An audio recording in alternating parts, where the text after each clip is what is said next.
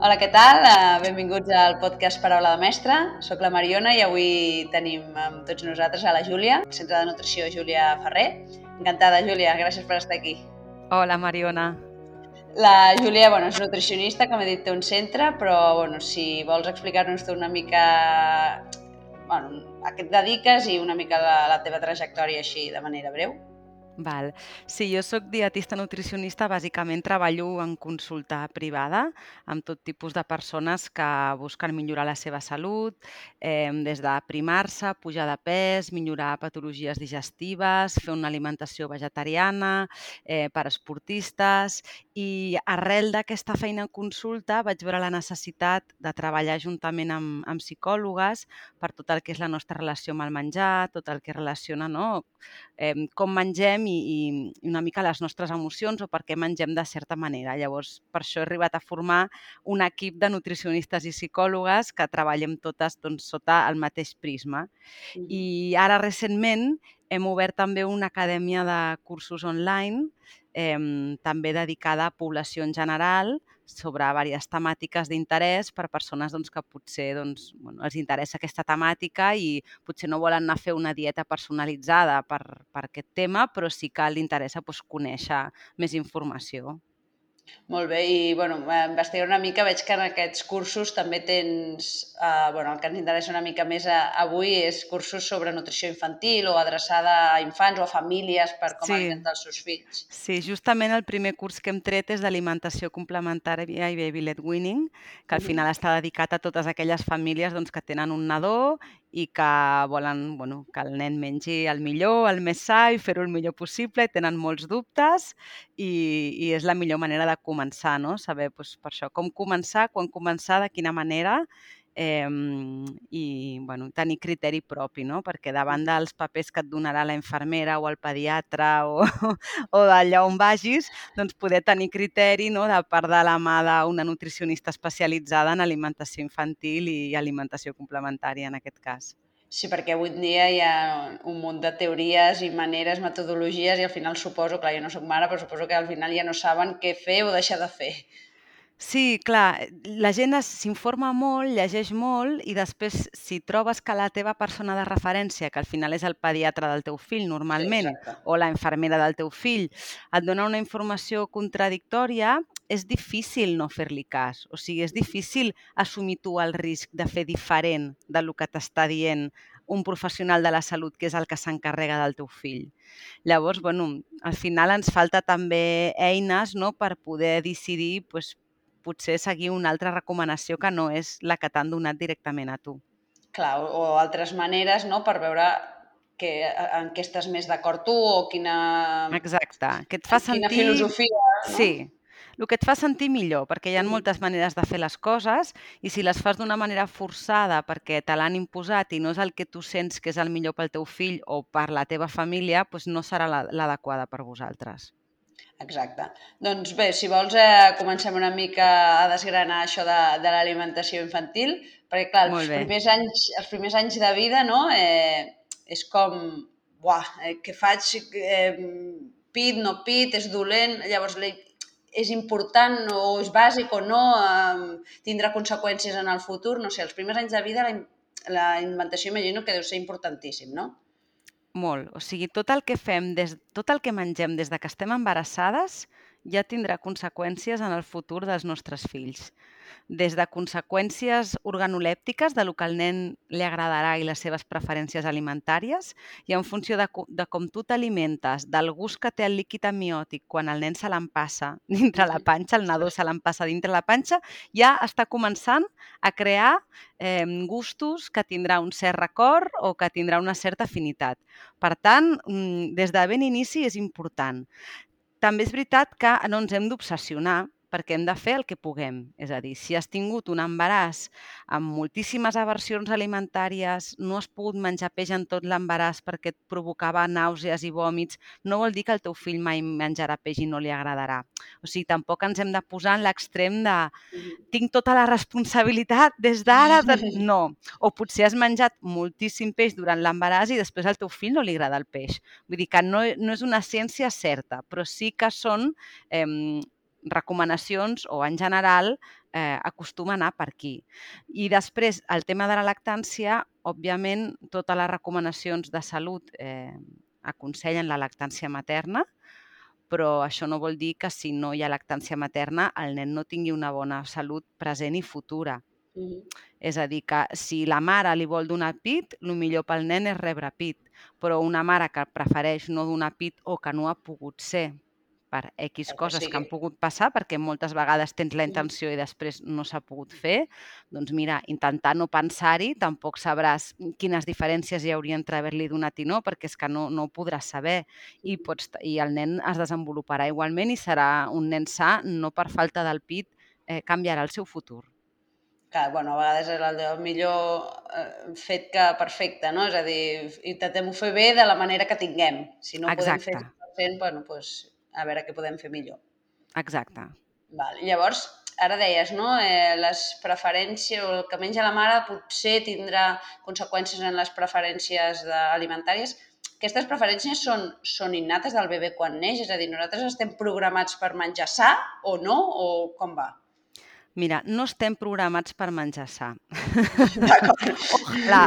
Hi ha una part genètica molt important és a dir, d'aversions alimentàries mm, hi ha una part genètica important. Normalment pares que els agrada tot, als nens els agrada tot. Uh -huh. Nens que no els agrada, bueno, que tenen problemes amb certs aliments, segurament els seus pares quan eren petits o els seus avis o antecedents mm, hi ha aquest perfil genètic de tenir més aversions. És a dir, hi ha un component hereditari. Uh -huh. eh, I després, eh, de manera natural, ens atrauen el dolç, el salat, gustos forts, és a dir, un carbassó que per si sol no té gust a res, ens pot agradar, però no és una cosa que innatament atragui a un nadó. Uh -huh. Si tu a un nadó li, deixes, li deixéssim, que no ho hem de fer, llapar sal o llapar sucre, ho trobaria molt més atractiu que llapar un carbassó o una pastanaga o una carbassa. És a dir, al final els gustos forts ens atrauen. D'acord bueno, llavors suposo que aquí Clar. hi ha un tema més eh, de, de la prehistòria o, de, o dels, de les necessitats que tenien no? els, els nostres avantpassats per, per menjar brona. Aquí no hi entrarem. Llavors, sí. si aquests gustos o aquestes preferències no són tan... no anem directament al, al més saludable, aquestes maneres d'alimentar els nostres infants, no? com podem guiar-los per, perquè no acabin menjant doncs això, sucre pur. -hmm. En primer lloc, és important tenir una bona educació del paladar. És a dir, si tu eh, caus no, en el parany de sempre anar-li donant les, les, les úniques coses que li agraden, perquè si no el nen no menja, és molt difícil que acabi acceptant altres aliments que en un principi ha rebutjat. Llavors, clar, això passa doncs, amb nens que acaben menjant sempre tot fregit o tot eh, amb sucre. Mm, després, una cosa que tingui menys potència de, de sabor, no notarà el gust. Clar. És com un adult que està acostumat a menjar molt salat, que quan li treus la sal no nota el gust a res. Insípid tot, sí. Clar, i no és que el menjar sigui insípid, és que tu estaves acostumat a menjar molt salat. Doncs passa una cosa similar. Si el nen s'acostuma a menjar dolç o ha provat el dolç, després la resta de coses no li semblen tan bones com allò. Llavors té tendència a rebutjar-les i anar cap al que li agrada més. Per mm. tant, és una qüestió de sempre oferir aliments saludables i el més naturals possible, això no vol dir que no puguem fer de tant en tant preparacions més xules, però que el, la, el gros de lo que mengen pues, sigui cuinat amb poca sal, sense sucre, mm, el que diríem insípid. Però si s'acostumen a aquest el paladar s'acostuma a aquest tipus de menjar, el nen sí que notarà els sabors dels aliments i pot disfrutar menjant així. Val. Llavors, eh, ara, avui en dia, no, hi ha una corrent, bueno, suposo que ja fa més anys, d'una alimentació just quan els nens ja comencen a treure el pit, que és el baby led weaning, i fins i tot hi ha veus que diuen que és una manera doncs, de potenciar que després mengin més saludable. Doncs si ens pots explicar eh, una mica què és aquesta de metodologia i, si és cert uh -huh. això de que si es fa bé és més fàcil que es mengi equilibrat? Mira, el baby led weaning no pretén substituir el pit, és a dir, a partir dels sis mesos d'edat, quan es comença a introduir els, els aliments sòlids o en forma de farinetes, ja en parlarem, però aliments als nens, eh, sempre parlem d'alimentació complementària. La paraula complementària és perquè l'aliment principal segueix sent la llet. Sigui de pit o sigui de biberon. Mm. Fins a l'any, l'important és la llet. Aquests sis mesos, no, que van des dels sis mesos fins a l'any, és d'investigació i començar a introduir coses a poc a poc. No, no pretén substituir el pit o, o la llet de biberon. Llavors, el que s'ha vist amb el Baby Led Winning, el que s'intenta és que el nen s'autoreguli què vol menjar, de quina manera vol menjar eh, per exemple, doncs amb les quantitats. En comptes d'anar-li ficant doncs, culleres a la boca, només que el nen ho agafi ell amb les mans i s'ho posi a la boca, que és difícil, i la meitat li caurà o se li aixafarà, és a dir, el que arriba a la boca és menys quantitat del que arriba amb una cullera, sobretot a l'inici, eh, clar, es, es, no estàs atiborrant el nen per sobre de les seves possibilitats. És a dir, el nen menjarà la gana que tingui, segurament menjarà menys quantitat que si li donéssim una papilla. Però aquí estem començant a respectar les seves senyals innates de gana i sacietat que això és una de les coses que els adults molts hem perdut i, i gran causa de l'obesitat i del sobrepès és que no sabem escoltar el nostre cos quina quantitat hem de menjar, perquè estem menjant més de la que necessitem, per això emmagatzemem. Llavors, començar a, a no jutjar quina quantitat ha menjat, si és molt o és, o és poc, deixar que sigui el nen el que esculli quina quantitat menja i quan ja no en vol més, no forçar a menjar més, és com el primer principi per evitar un futur un futur sobreingesta, no? que pugui acabar provocant sobrepès o obesitat. Que després acabin agradant més o menys aliments? bueno, eh, el que favorim amb el Very Led Winning és que conegui els aliments, perquè amb una farineta que va barrejada, la patata amb la verdura, el peix, la carn, el nen nota un mix-mix de, de gustos i no sap què està menjant. Llavors, el dia que es trobi peix, potser dirà, això és una cosa nova, no la vull i no és una cosa nova, potser la porta menjant en farinetes fa quatre mesos, no? I ara per, per, hem decidit, posar... llavors, aquí hi ha un primer entrebanc, no? La gràcia del Baby Led Winning és que des de l'inici coneixen l'aliment tal com és. Veuen pues, que hi ha diferents colors, diferents textures, però no vol dir que el nen acabi menjant millor en aquest sentit.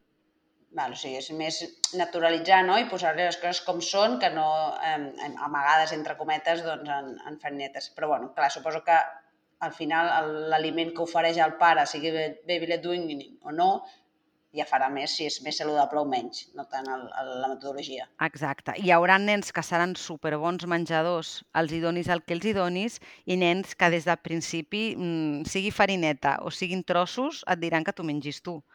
Llavors, no es tracta tant de la metodologia escollida, sinó de, del nen que tenim davant i de com és ell.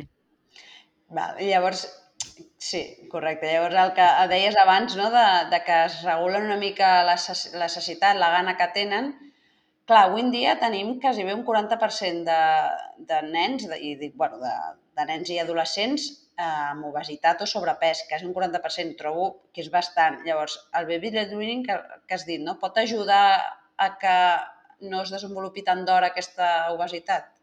Exacte, si ho fem bé. És a dir, si tu fas baby led winning però li estàs dient has d'acabar tot el que hi ha al plat, vinga, una mica més, és el mateix que anar-li fent la farineta. És a dir, hem de vigilar molt amb els missatges que nosaltres donem. Clar. Si el nen diu no tinc gana, doncs és que és l'hora de berenar, vinga, brena. Bueno, t'està dient que no té gana.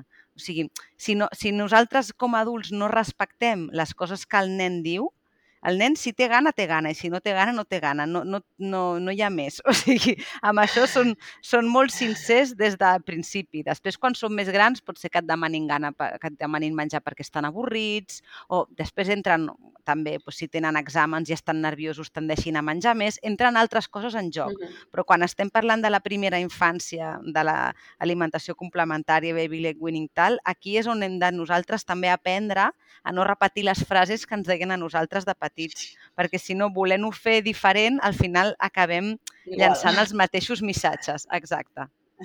D'acord, important aquest, aquest matís. Llavors, eh, val, ja tenim cap una metodologia possible i que sembla bastant beneficiosa si es fa bé el baby led winning, però després quan es van fent grans i ja ells més o menys s'autoregulen, ja tenen els, els seus gustos, no? i estic parlant de nens doncs això, de, a partir de 6 anys, no? de 6 cap a adolescents, um, què necessiten? És a dir, hi ha algun nutrient o algun, no sé, a vegades sentim, no? Els nens necessiten sucre. Això és cert, no és cert, que necessiten més, que necessiten menys? No, els nens necessiten energia. Això sí, necessiten molta energia perquè l'energia és important per poder tot el desenvolupament cognitiu, intel·lectual i també físic. Però l'energia no ha de venir en forma de sucre simple. Sí que és veritat que els hidrats de carboni són un grup d'aliments eh, que porten sucres complexos que són importants en la infància, sobretot quan hi ha això, molt, molta part d'estudi i d'educació de, física, o sigui, part d'exercici de, físic. Uh -huh. Però han de menjar mm, el mateix que, que mengen els adults a casa, amb quantitats segurament diferents, Uh -huh. però a casa cuinant una mateixa cosa per tothom, si no parlem de que hi hagi alguna malaltia en concret o alguna al·lèrgia en concret, hauria de servir per tothom igual.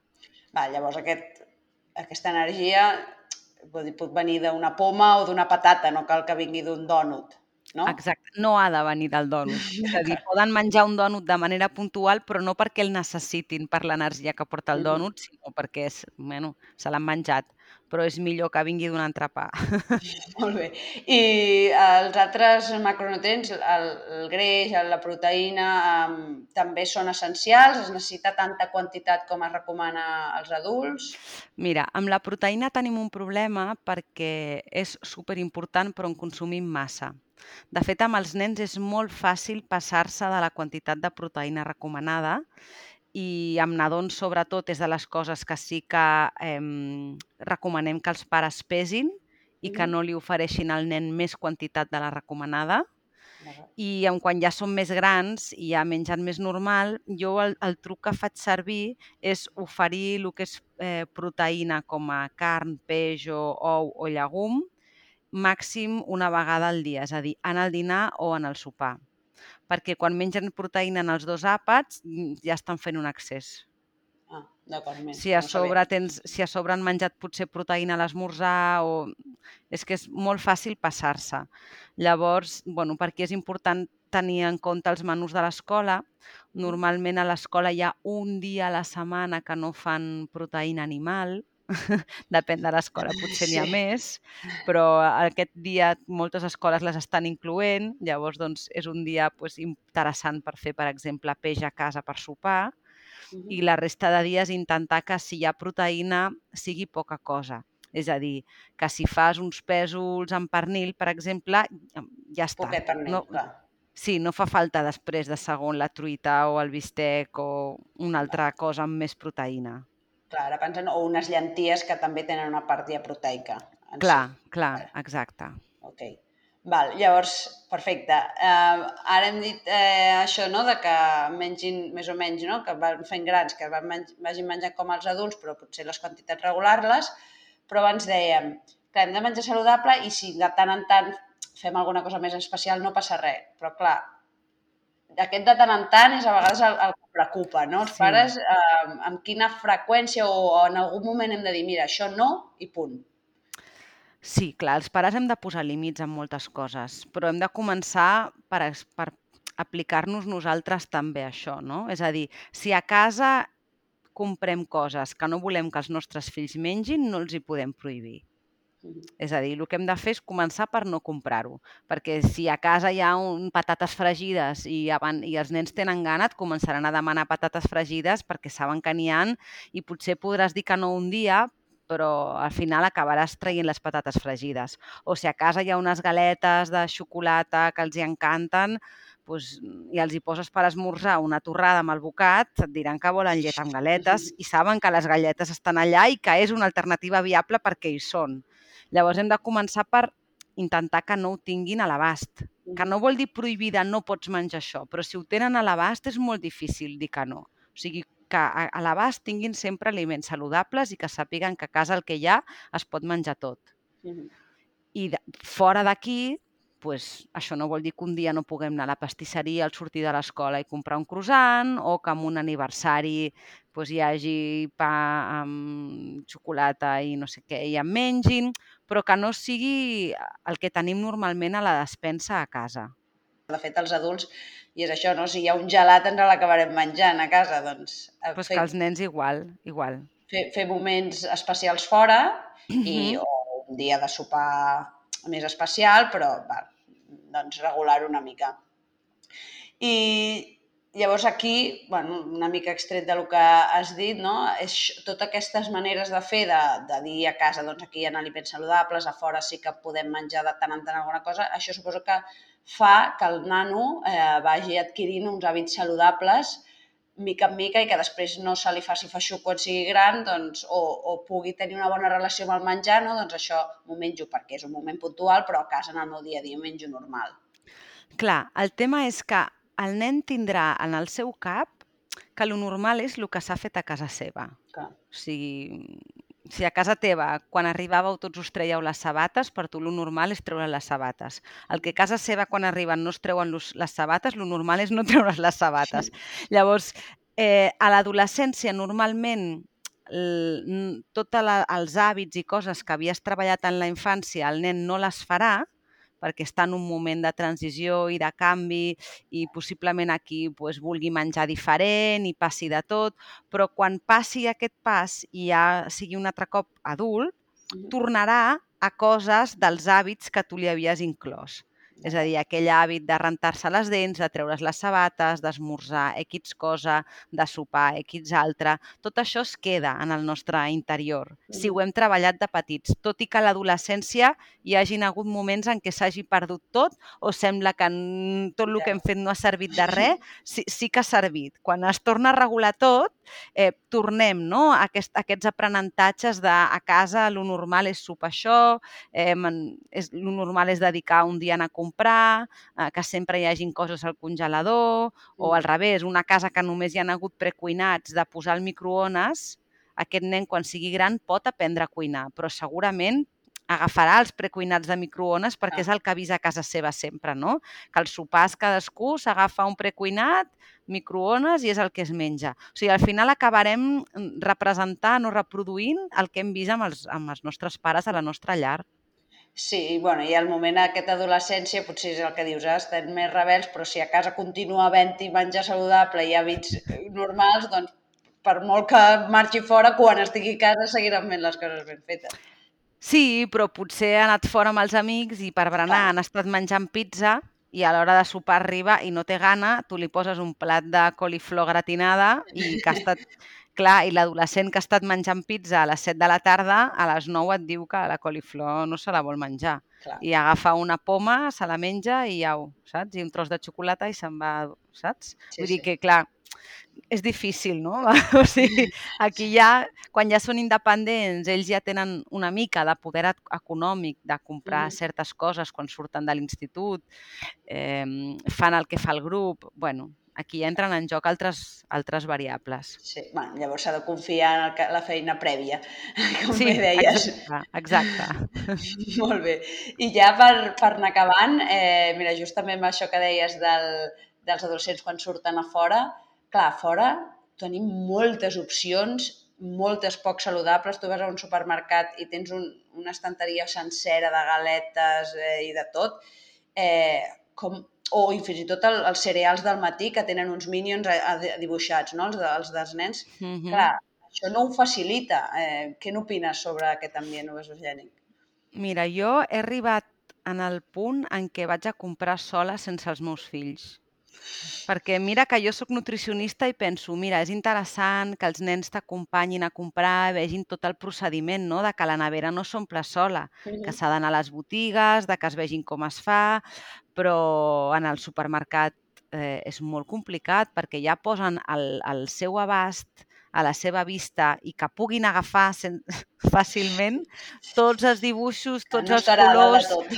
tota la purpurina, o sigui, tot, tot. Llavors, anar a comprar es, es converteix en un moment molt difícil perquè tu més disposes d'un temps limitat, has d'agafar mm. les coses que necessites i és una baralla contínua d'això no t'ho compraré, això no sé què. Llavors, jo he optat per portar-los a comprar només quan vaig a la fruiteria i a la peixateria. La resta de coses vaig sola, perquè si no és que és molt complicat, és molt complicat entrar al supermercat i és una baralla contínua, no? Clar. I els pares al dia a dia, no sé els altres, però jo crec que en general anem molt cansats Vull dir, ja t'has barallat perquè rentin les mans, ja t'has barallat, entre cometes, perquè es Sí, posin sí. no sé què, perquè recullin les coses, no? perquè es facin responsables de deixar les coses al seu lloc, perquè tal, no sé què. A sobre, no? aquesta batalla per anar a comprar, mira, no, Clar, no val la pena. el Minion no el posen a la poma, tal qual. No? I després del supermercat comença la batalla de les dutxes, no? dels sopars, de tot això, i llavors no pots anar empalmant una amb una altra. Sí, mira, ja et dic que jo no sóc mare, però em puc imaginar, sóc mestra, això sí, i, però bueno, em puc imaginar que fàcil no, no deu ser. Però bueno, sí que en els últims anys s'ha anat regulant una mica.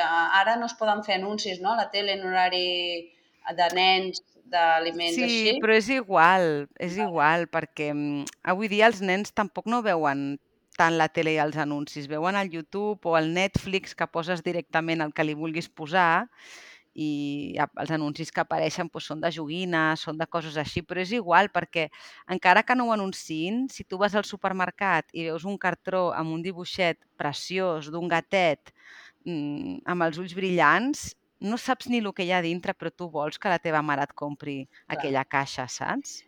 Sí, bueno, és el que, el que deia abans, el problema és que no ho posen al iogurt blanc o a la poma. No, exacte, exacte. Bueno, doncs posen ja... a productes no saludables i a sobre cars. o sigui, t'ho posen tot fantàstic. Llavors veig que el, la solució avui en dia, fins que canvin les coses, és això que dius, no anar al súper amb els teus fills. Bueno, a, veure, algú que tingui, algú que, que, que hagi sapigut posar molt bé els límits als seus fills i que ja tinguin una edat en què els nens sàpiguen que per molt que demanin no se'ls hi comprarà, potser sí que poden anar al supermercat amb els nens, però jo amb els meus fills no estic en aquest punt encara. Bueno, aquí cadascú que valori. Sí, exacte. molt bé, doncs ja última, última cosa molt ràpida. A vegades um, sento no, que cada vegada hi ha més famílies que volen que els seus fills tinguin una alimentació vegetariana o vegana, perquè cada vegada no és que estigui més de moda, però sí que més famílies es van, es van unint a aquesta filosofia. Així molt ràpid, penses que pot ser saludable per un nen una, una alimentació sense menjar animal o, sense, o d'origen animal? A veure, el que és normal és que nosaltres vulguem educar els nostres fills de la mateixa manera que hem escollit nosaltres viure, no? Per tant, una persona que és vegana o que és vegetariana ni se li passaria pel cap tenir un fill omnívor, mm. perquè va en contra dels seus principis, el que aquesta persona ha escollit per la seva vida. Llavors, per sort, avui dia eh, tenim informació per poder tenir nens vegans i vegetarians sants, informació de com han de menjar, eh, de quins paràmetres hem d'anar vigilant i de com s'han de suplementar, sobretot amb el que és vitamina B12, per no tenir cap carència. Llavors, si els pares ho fan bé i des de la informació, aquest nen estarà perfectament sa. D'acord, doncs aquest és el missatge que no hi ha problema sempre i quan es faci ben fet. Suposo que per l'altra banda també, no? Un, un omnívor també es pot fer molt malament, de fet. Bueno, de fet, la majoria de gent és omnívora i ho fa molt malament. Mira, seria l'exemple seria l'exemple més, més comú. D'acord, doncs uh, queda dit, perfecte. Pues moltes gràcies, uh, Júlia, de veritat, ha estat un plaer i gràcies per compartir els teus coneixements amb nosaltres. Moltes gràcies, Mariona. Ens escoltem. Una abraçada. Adeu.